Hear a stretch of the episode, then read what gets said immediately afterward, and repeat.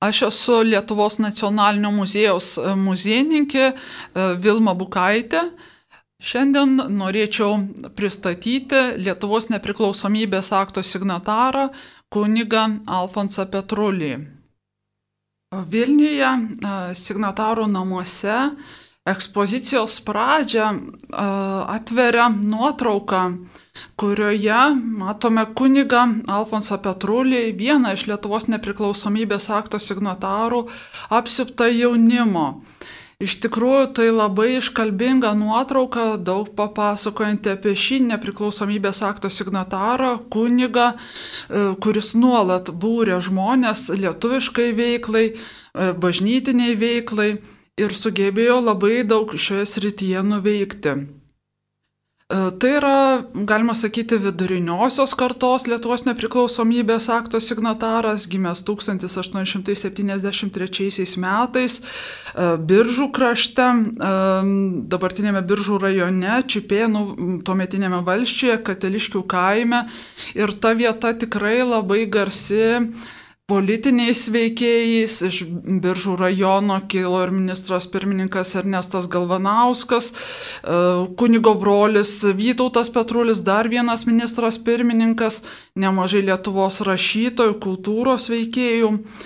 Ir tarsi atrodytų, kad šio jauno žmogaus, e, būsimojo kunigo laukia toks ganėtinai tradicinis likimas, tačiau sudėtingi 20 amžiaus pradžios, 19 amžiaus pabaigos virsmai e, labai nuspalvino jo biografiją ir aišku paties žmogaus didžiulis indėlis lėmė, kad jis įėjo Lietuvos valstybingumo istoriją ir taip pat aišku ir į dvasininkijos istoriją, tarsi yra toks garbinga, garbinga asmenybė, tačiau dėja nepelnytai primiršta. Taigi dabar norėčiau ją šiek tiek jums priminti, jūsų pažindinti ir galbūt norėsite susirasti istoriko Algimoto Katiliaus monografiją apie šį kunigą, galbūt surasite informacijos internete, apsilankysit signatarų namuose arba jo gimtinėje, kur yra nedidelis paminklinis akmuo arba jo palaidojimo vietoje Musnikų bažnyčio šventorija. Taigi tai yra e, jaunas žmogus iš ganėtinai pasiturinčios žemdirbių tuo metu šeimos, e, akivaizdžiai matyt parodęs vaikystėje gabumus Įdomus toks dalykas, kad jisai nesimokė pradžios mokykloje, sugebėjo išlaikyti egzaminus į gimnaziją ir kaip tik baigė tą tuometinę labai būdingą slaptą daraktorinę mokyklą. Įdomu, kad tame krašte daraktoriai mokė ir, ir lietuvių, ir lenkų kalbos, kurios jam ateityje e, iš tikrųjų ir prisireikė ir matyti rusų kalbos tiek, kad vaikas galėjo išlaikyti stojamosius egzaminus į gimnaziją. Nuo 1884 metų jis penkerius metus mokėsi Šiaulių gimnazijoje ir baigęs penkias klases įstojo į Žemaičio viskupijos kunigų seminariją Kaune. Ten besimokydamas jau išlaikė dalį baigiamųjų egzaminų, tačiau matyt, dar tuo metu dvėjojo savo pašaukimu ir tuo metu iš e, seminarijos jisai pasitraukė. Ir taip atrodytų radikaliai bandė pakeisti savo likimą, išvyko į Lvovą, kur mokėsi imperatoriškame veterinarijos institute. Tuo metu šis miestas buvo Austrijos-Vengrijos imperijos dalis, kraštas turėjo plačią autonomiją su su rusų ir ukrainiečių kalbomis ten naudotomis. 130 tūkstančių gyventojų, tikrai nemažas tiems laikams miestas. Ir labai įdomu, kad pasaulietinė aplinka padėjo išryškinti savo į pašaukimą ir ten studijuodamas jisai e, daug laiko praleisdavo bažnyčioje, patarnaudavo, daug melsdavosi Ir tas metas paskatino jį grįžti į savo e, gimtąjį kraštą. Dabar jis jau įstojo į Vilniaus kunigų seminariją, kurią kurioje dar šiek tiek pasimokė iki 1898 metų. Ir jau e, turėdamas 25 metus išvyko į Sankt Peterburgo imperatoriškąją dvasinę akademiją. Jau pats išvykimas leistų manyti, kad vis tik tai Ir mokymosi rezultatai, ir elgsena skatino manyti, jog šis jaunuolis yra pasirengęs sielovados darbui, yra perspektyvus, yra gabus ir gali Peterburgė įgyti daugiau žinių. Atrodytų, kad ten buvo galima baigti studijas Tačiau e, vis tik tai drėgnas Sankt Peterburgo klimatas e, buvo labai netinkamas silpnai Alfonso Petrulio sveikatai, matyti jis turėjo problemų su plaučiais ir e, tik tai trumpai pasimokęs jis vis tik tai nutarė po metų grįžti į Lietuvą, išstojo iš akademijos. Ir kadangi jo išsilavinimo jau, buvo, jau užteko kunigų seminarijos baigimo, prilygo jisai kunigų seminarijos baigimui, taigi 1899 m. balandžio 4 d. Vilniaus vyskupas Stepanas Aleksandras Zverovičius išventino Alfonso Petrulį kunigu. Iš tikrųjų tai buvo dar labai jaunas kunigas tiems laikams buvo, jeigu neklistu, 25 metų amžiaus cenzas, visai neseniai tik tai perkoptas. Ir pirmoji vieta, kuris buvo paskirtas vikaru, buvo Vilniaus Šventojo Paštų Petro ir Povilo parapija. E, tikrai su labai gražia, kaip mes žinom, bažnyčia, labai mm, tokia malonė, malonė parapija. Tuo metu tai buvo priemestis Antakalnis, tačiau šiaip ar taip Vilnius ir daug laiko E, Alfonsas Petrulis galėjo praleisti tarp Vilniaus dvasininkijos, bendrauti e, su, su kunigyje. E, įdomu, kad ganėtinai greitai, dar tą patį mėnesį jis buvo perkeltas, o, ganėtinai greitai, bet vis tik po pusės metų jis buvo perkeltas į Bagdonavos um, filiją. Tai, um, labai nedidelę parapytę. Šmenos dekan, dekanate, dabartinėje Baltarusijoje, filialistu. E, ir tai tokia įdomi vieta tuo, kad ten dar buvo truputį ir lietuvių kultūros žmonių, bet aišku dominavo labiau lenkų kalba, tai gudų kraštas, bet paveiktas ir lenkų kultūros. Ir tame krašte panašiu metu apsigyveno žinomas lenkų dailininkas Ferdinandas Ruščicas, jisai netgi tą bažnyčią ir jos varpinę, kuri, kurioje kaip tik toje bažnyčioje ir tarnavo Alfonsas Petrulis, yra jam žinia savo tapybos darbuose. Bet ko gero dailininkas ganėtinai daug keliavo po vakarų Europą, taigi jeigu jie vienas kitą ir pažinojo, tai jų pažintis buvo ganėtinai fragmentiška. Ir 1901 metais, jų pradžioje, Alfonsas Petrulis grįžta į Lietuvos teritoriją, į Gedraičių dekanatą, dabartinį Molėtų rajoną, Joniškio parapiją. E, reikia pasakyti, kad e, praktiškai visą savo gyvenimo ir sielovados laiką Alfonsas Petrulis praleido e, rytų Lietuvoje arba Vilnijoje arba Dzukijoje, kur nuolat jam iškildavo tas lietuvių ir lenkų kultūros akistotos klausimas ir jo pasaulyje žiūro pradėjus dirbti Joniškėje jau buvo susiformavusi, jis buvo labai nuoseklus ir labai ryštingas lietuvių kultūros gynėjas.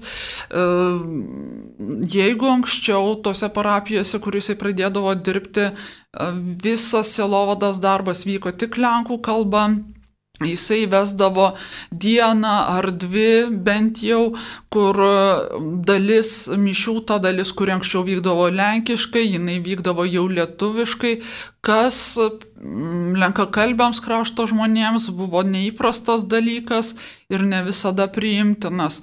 Iš tikrųjų, mm, praktiškai visas tolimesnis Alfonso Petrulio laikotarpis buvo toks labai emociškai įtemptas, kadangi tenkdavo ir pasiginčyti ir pakovoti ir netgi atlaikyti teismo procesus, kuomet mm, vietos Lenkų kultūros žmonės mėgino jį kažkaip nubausti, pažeminti, išvaryti, labai daug skundų sulaukdavo vyskupas, taigi tikrai emociškai nelengvas e, visas tolimesnis jo darbo laikotarpis buvo, tačiau nepakeitė jo pasaulyje žiūros.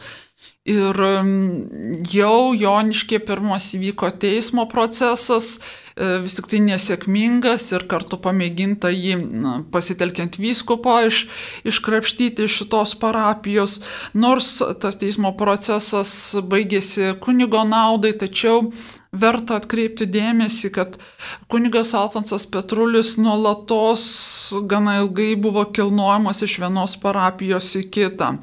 Taigi 1903 metais, rūpjūtį, maždaug po poros metų, aštuonių mėnesių, jis buvo perkeltas į Maišegalą.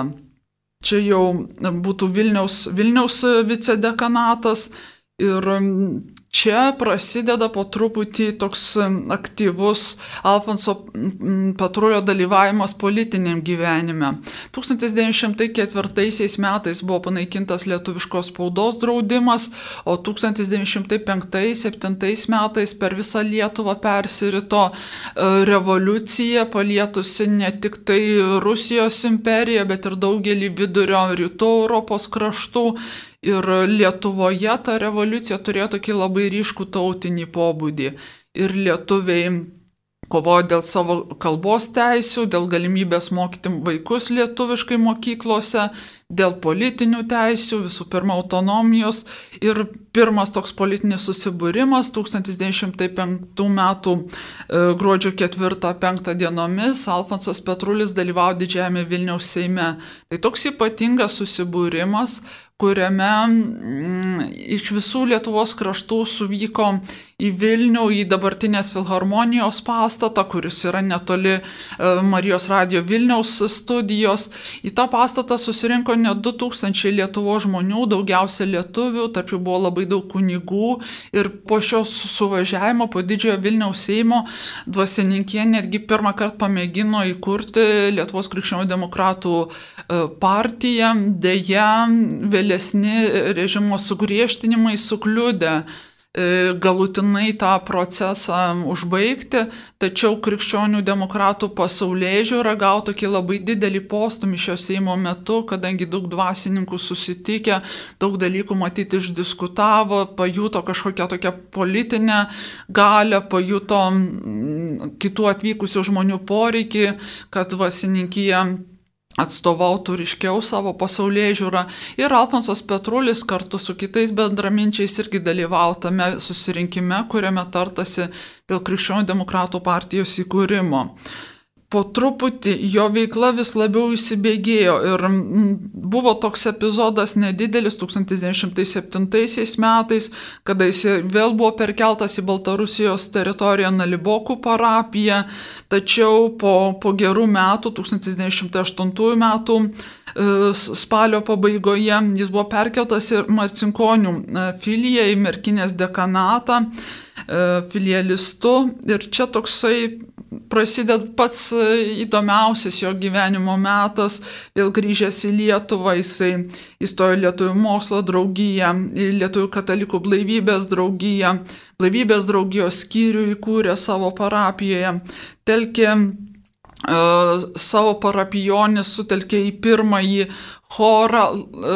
Kiekvienas kunigas ir kiekvienas netgi ir pasaulietis ir iš tarp ryškiųjų politikos veikėjų turėjo savo būdą kaip patraukti žmonės, kaip juos sudominti lietuvių kalba ir iš tikrųjų Alfonso Petrulio būdas toks labai, mm, sakyčiau, kūrybiškas. E, jau Marcinkonėse jisai įkūrė pirmąjį chorą, kur, kuris ne tik gėdojo per mišes, bet ir mokėsi lietuvių liaudės dainų, e, naujai parašytų, ypač pagal Maironio eilės dainų, ir su jomis koncertavo ne tik savo parapiją, bet ir vyko aplinkinės parapijas, ir didelis būrys tautiniais rūbais apsirengusių, pasitempusių, pasipuošusių, lietuviškai kalbančių, dainuojančių, gėdančių ir to besididžiuojančių jaunų žmonių būrys tikrai turėjo daryti nemenką įspūdį ir stiprinti pasitikėjimą lietuvių kalba, kuris galbūt ir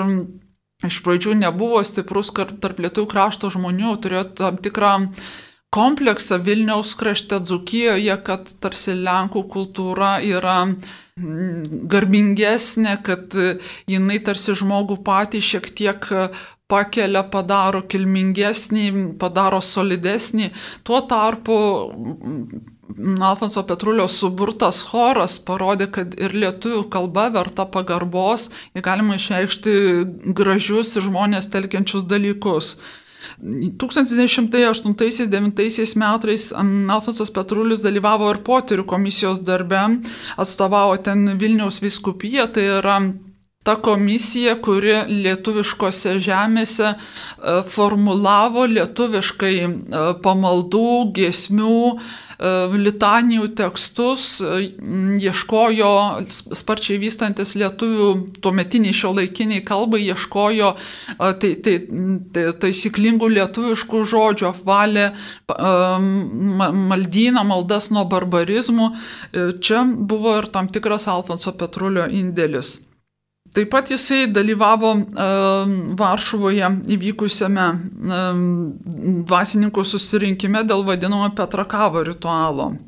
Ir jau Marcinkonise jisai pradirbo praktiškai beveik trejus metus, jau ilgiau negu daugelį kitų parapijų ir atrodytų, kad e, ten neblogai įsidirbo, suartėjo su vietos žmonėmis, e, išjudino visuomeninę veiklą per tuos per tos draugijų skyrius, kuriuos jisai e, įkūrė ir kuravo. Tačiau 1911 m. balandžio mėnesį jisai buvo perkeltas į Pivašiūnus. Ir tai yra pirma parapija, kuris pagaliau padirbo ganėtinai ilgus, ilgus metus, apie 16 metų, tai jau yra, sakyčiau, nemažai vienoje vietoje.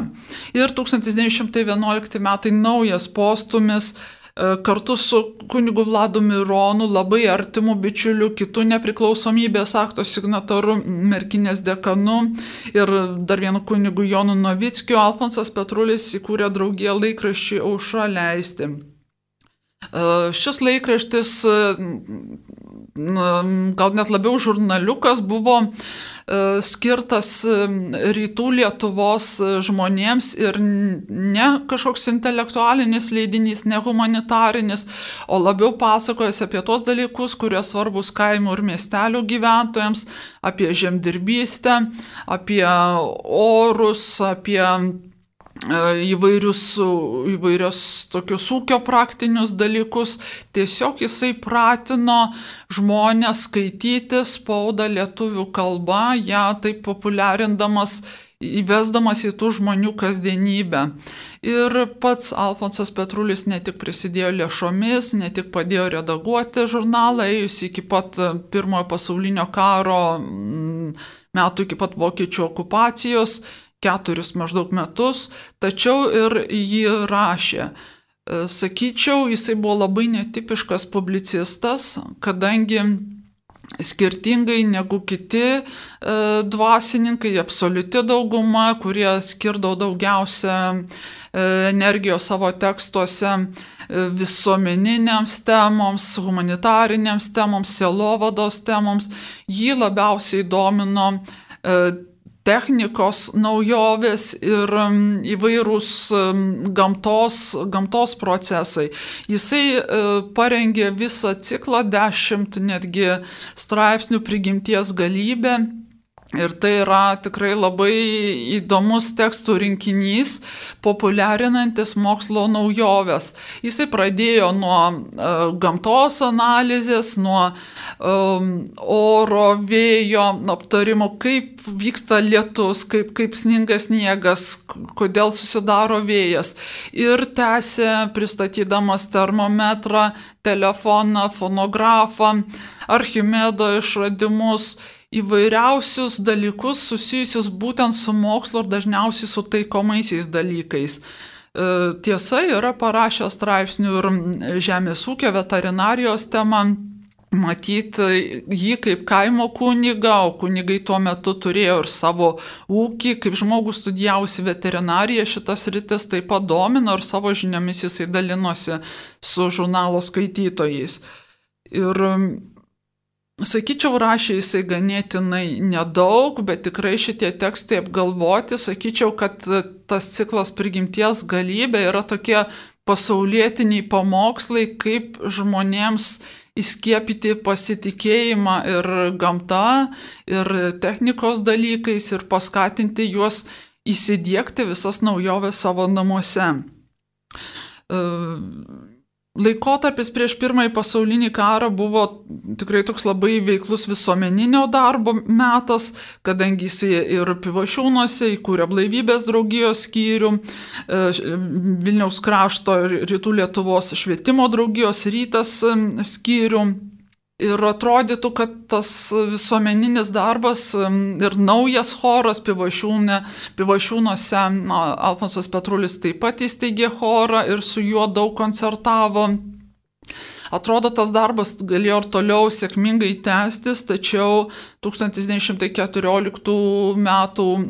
Rūpjūtį prasidėjo pirmasis pasaulinis karas Ir aišku, e, tos, to karo veiksmai perėjo ir per pietų Lietuvą, e, ganėtinai nemenkai sukrėtė tą kraštą, e, labai apriboja ir kunigų veiklą, labai daug e, įvairių savivalės dalykų e, patyrė ir dvasininkyje, ir parapijų gyventojai. Ačiū Dievui, Pivašiūnų bažnyčia taip nenukentėjo kaip, tarkim, e, Varienos, tačiau tikrai labai sunkus metas ir toks netikėtas posūkis karui bevykstant, kad Lietuvos politikai ieškojo galimybių pasinaudoti karo situaciją ir pakeisti Lietuvos politinę ateitį. E, Vilniuje vyko pats pagrindinis e, politinis vyksmas, tačiau Alfonsas Petrulis daug bendravęs su Vladu Mironu, kuris buvo geras Antanos metonos bičiulis, jisai buvo matyti neblogai informuotas apie esamą padėtį. Ir 17 metų vasarą vokiečiai galvoja, kad reikėtų įkurti tokią instituciją, kuri sutiktų paskelbti Lietuvos atsiskyrimą nuo Rusijos ir prisijungimą prie Vokietijos. Jie praktiškai buvo numatę šitą instituciją tik tai vieną vaidmenį, tačiau padarė vieną labai rimtą klaidą, jie leido lietuviams patiems išsirinkti tuos atstovus, kurie susirinks į konferenciją ir po to išrinks tą instituciją. Ir tikrai ne ant tų žmonių pataikė, kurie vykdytų jų norus. Ir Alfonsas Petrulis buvo vienas iš 1917 m. rugsėjo 18-22 vykusios Lietuvų konferencijos dalyvių, joje ir šiek tiek pasisakė ir buvo sulaukę nemažai palaikymo balsų, kai buvo balsuojama už Lietuvos tarybos narius ir buvo išrinktas į šią instituciją, e, tapo Lietuvos, Lietuvos tarybos nariu ir pradėjo jau tokį visiškai politinį darbą. Alfonsas Petruis gana kruopščiai dalyvavo posėdžiuose, nors reikėdavo atvykti į sesijas iš pivašiūnų, o, tuo metu buvo labai daug susisiekimo trūkdžių ir iš viso atvykti iš provincijos ganėtinai sudėtinga. Jisai dirbo e, skundų, archyvų, kunigų seminarijų ir bendrųjų įstatymų komisijose, bendrų įstatymų komisijoje jisai padėjo redaguoti įstatymus ir va čia jisai kaip tik dalyvauja kaip, ir kaip dvasininkijos reikalų, ir kaip lietuvių kalbos žinovas. Skundų komisija E, rinko e, įvairią informaciją apie e, vokiečių okupacinės valdžios savivalę ir matyt, kad aplinkinėse parapijose tų tokių savivalės dalykų buvo daug ir, ir ko gero Alfonsas Petrulis kartu su Vladu Mironu buvo tie žmonės, kurie surinko informaciją apie Dzukijoje vykusias negerovės vokiečių okupacijos metais. Labai įdomu, kad um, Alfonsui Petruliui, um, kaip Lietuvos tarybos nariui, teko nuvykti į Berno Lozanos lietuvių konferenciją Šveicarijoje 1917 m. lapkričio mėnesį. Ir um, jau jisai, mm, kaip matom, dalyvauja ne tik kaip posėdžių dalyvis, bet ir tas žmogus, kuris vyksta į pasitarimus už Lietuvos teritorijos ribų. Taigi jisai laikomas tokiu solidžiu žmogum, kuris gali dalyvauti politinėje diskusijoje, e, spręsti mm, Lietuvai svarbius klausimus, teikti savų pasiūlymų. Ir vykstant diskusijoms dėl Lietuvos nepriklausomybės akto Alfonsas Petrulis irgi ganėtinai veikliai dalyvavo. Daugiausia ryšius jisai palaikė kaip įgaliotinis, galima sakyti, dirbo e, Širvintų ir, ir Kaišėdorių e, krašte. E, tačiau matyt, kad gaudo informacijos ir savo gimtojo biržų krašto. Įdomu, kad antrą kartą nuvykęs į užsienį, į Šveicariją, dar po metų, 1918 m. rugsėjį, jis ne tik dalyvavo naujoje Lozanos lietuvių konferencijoje, bet kartu su kitais Lietuvos tarybos atstovais susitiko su tuometiniu e, Vatikano nuncijų Münchene e, Eugenijum Pačeli, kuris vėliau tapo Pijumi XII. Tuo metu Lietuvos, Lietuvos politikai jau 1918 m. vasarį prieėmė Lietuvos nepriklausomybės aktą, prašė e, Vatikaną pripažinti e, Lietuvos nepriklausomybę ir įteikė dokumentą su Lietuvos nepriklausomybės akto nuorašu, tiesa pasirašytų būtent tų tarybos atstovų, kurie ir bendravo su, su Eugenijum Pačeliu, matyt, vat, vietoj parengtas tas nuorašas. Tačiau mm, tikrai įdomi detalė, kad būsimasis, vienas iš būsimųjų popiežių gavo tokį dokumentą ir tarp jį įteikusių buvo Alfonsas Petrulis.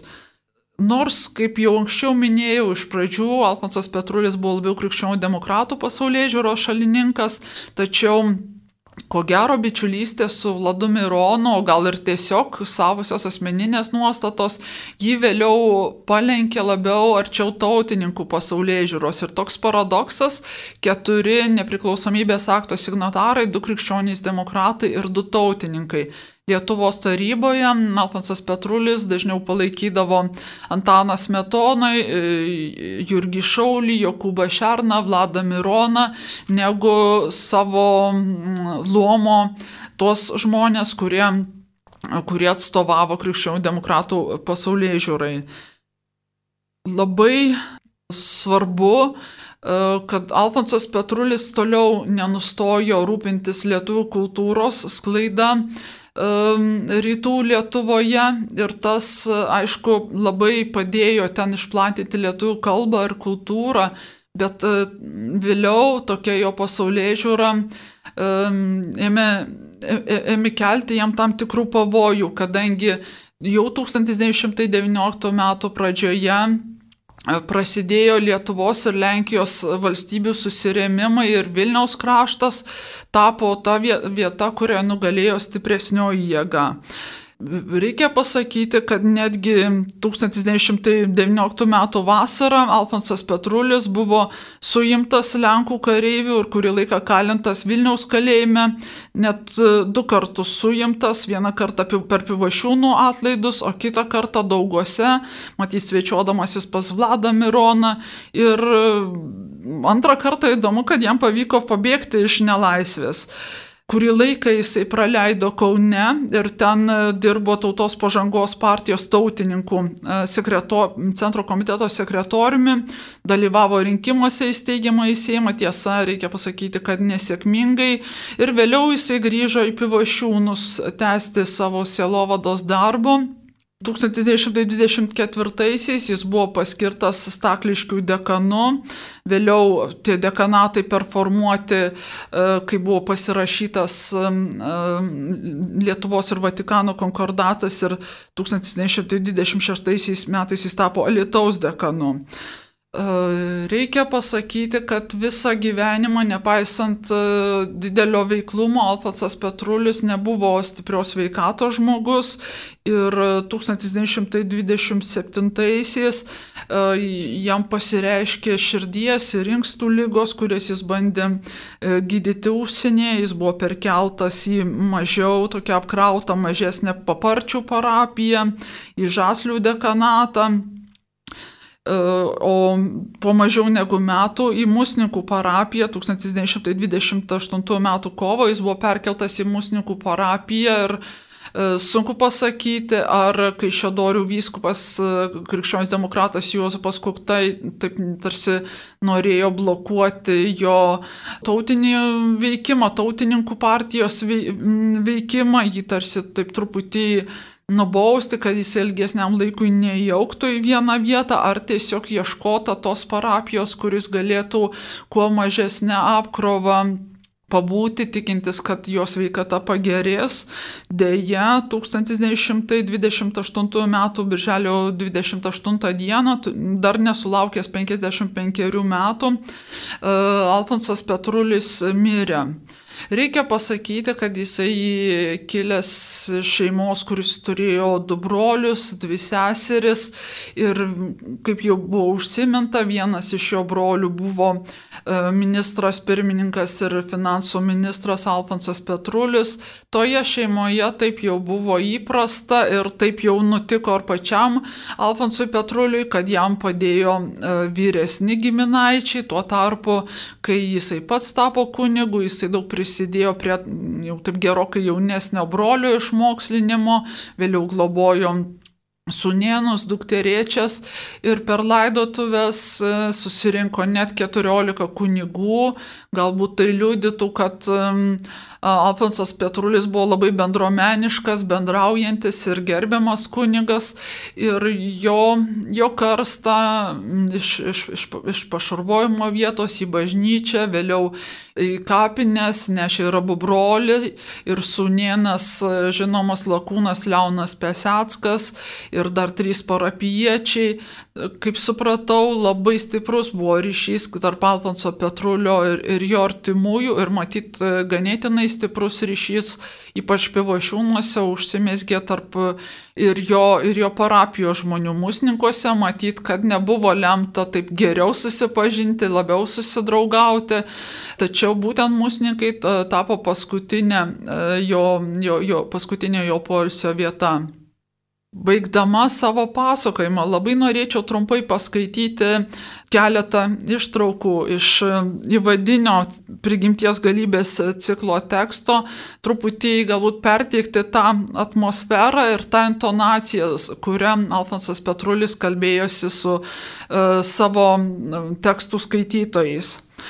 Taigi, dar kūdikiai būdami mėgdavote užburtas pasakų šalis. Kodėl? Gal dėl to, kad ten viskas taip netikėtai, taip umai ir samaime pasidaro. Užburtoje šalyje žydigėlės, e, vieną nakčią išauga namai, rūmai ir žmonės, vienu burtų lasdelės mostėjimu nulėkia tūkstančius varstų. Iš tikrųjų, gitoji šalis Netaip toli nuo jūsų, kad jau negalėtumėte kai kada jom patekti. Jis čia pat yra tarp mūsų. Norint ją išvysti, reikia tik atviromis akimis žvilgtelėti. Pasakoja sodėtis užmiega vakarą gyrioje, palietus burtų lasdelė atmerkia akis ir erginikščiukus. Jie šokinėja aplink jį nuo žolelės į žolelę, sėdint grybų ar gėlių žiedeliuose, geria vandenį iš ažalo gilelių kevalėlių žolinėliais kaujasi ir slipliais jodinėja. Arba vėl narsus karžygys joja pavergtos mergelės gelbėtų. Jis plaukia per verpetais verdantį upelį. Pačiame sūkurio viduryje pailsta, nebestengia paplaukti prie srovę, kurį įtraukte traukia žemyn. Čia pasirodo jam vandens deivės, jos nuramdo pabūgusi žirgą ir atsargiai priveda į tą krantą. Visą tai sakoma įsvajotose pasakose, kurių taip mėgstame klausyti mažumiai. Bet taip pat mums sako ir gražios mokslo pasakos, nuo visų pusių apsiaučia mus tos galybės. Tūkstantį kartų jos yra stebuklingesnės ir gražesnės už mūsų mažųjų dienų pasakas. Ir mūsų galybės nematomos. Daugelis žmonių gyvena ir miršta, niekuomet nematę ir nesirūpinę jų pamatyti. Tie žmonės vaikščia užmirktomis akimis arba dėl to, kad nenori atsimerkti, arba dėl to, kad niekas jų kaip reikia nepamoko žiūrėti. Jie beginė ir dirba dėl savo menkų reikalų ir mažų rūpesnių, nemoka neatsikvėpti, neatsigosti tam, kad burtų lasdelė atmerktų jiems akis ir parodytų užburtą prigimties grožybę. Žvirktelėkime pasaulin atmerktomis akimis ir pasiklauskime, kas tos galybės ar burtai ir kaip jie mums išvydus. Tad sėskite kur nors ramioje vietelėje ir įsiklausykite, kaip veikia prigimimas. Įsiklausykite, kaip vėjas pučia, paveizykite aukštinį debesius, slenkančius viršum jūsų galvos ir žemynį srovenantį po jūsų kojų upelį. Įsižiūrėkite į sprokstančius kits po kito gėlių pumpurelius ir tuomet paklauskite savęs, kaip čia viskas darosi. Toliau seka labai ilgas pasakojimas apie vėją ir lietų ir debesis, būtent gamtinis pasakojimas ir jis užbaigiamas. Ar tikite dabar užburtąją šalim ir ar jį patinka jums? Jeigu jūs norite pažinti neregimasias mūsų galybės ir susertinti su jomis, atsakykite klausimą, kaip įneiti užburton mokslo šalin. Ten veda tik vienas kelias. Jūsų akis, kaip ir to pasakos karžygio sodiečio, tiesiai atmerktos. Visa, ką jūs matote aplinkui, gali šitą jums papasakoti, palietus stebuklingai įsidėmėjimo lasdelė. Tik reikia noro. Kas gyvena šiame pasaulyje tik vienu rūpesniu, kaip čia pavalgius ar atsigėrus, tas nepažins mokslo burtininkų. Bet jeigu jūs klausinėsite savęs, kaip atsirado daiktai, kuriuos jūs regite, ar kaip viešpas Dievas padarė pasaulį ir jį rado, jeigu jūs įsiklausysite į vėją ir įsigysite žinoti, kodėl jis pučia, jeigu jūs imsite tyrinėti ir kodėl mažyti žiedelis keičiasi saulės šviesoje ir susitraukia per audrą, ir jeigu viso to klausinėdami ir negūdami atsakymų rūpinsitės paieškoti knygose ar prityrimuose, tuomet jūs išmoksite pažinti ir pamėgti mokslo burtininkus iš tikrųjų labai e, spalvinga asmenybė, labai energingas žmogus, labai kūrybingas žmogus ir, sakyčiau, galėtų būti daugelį iš mūsų, ypač visuomeninės veiklos pavyzdžių, kadangi jis atrado tos būdus, kaip patraukti žmonės dviejojusius lietuvių kultūra, dviejojusius kokia yra jų tikroji tautinė tapatybė. Jis parodė, kad būti geru kataliku tai nereiškia tik būti geru lenku, tai reiškia ir būti geru lietuviu.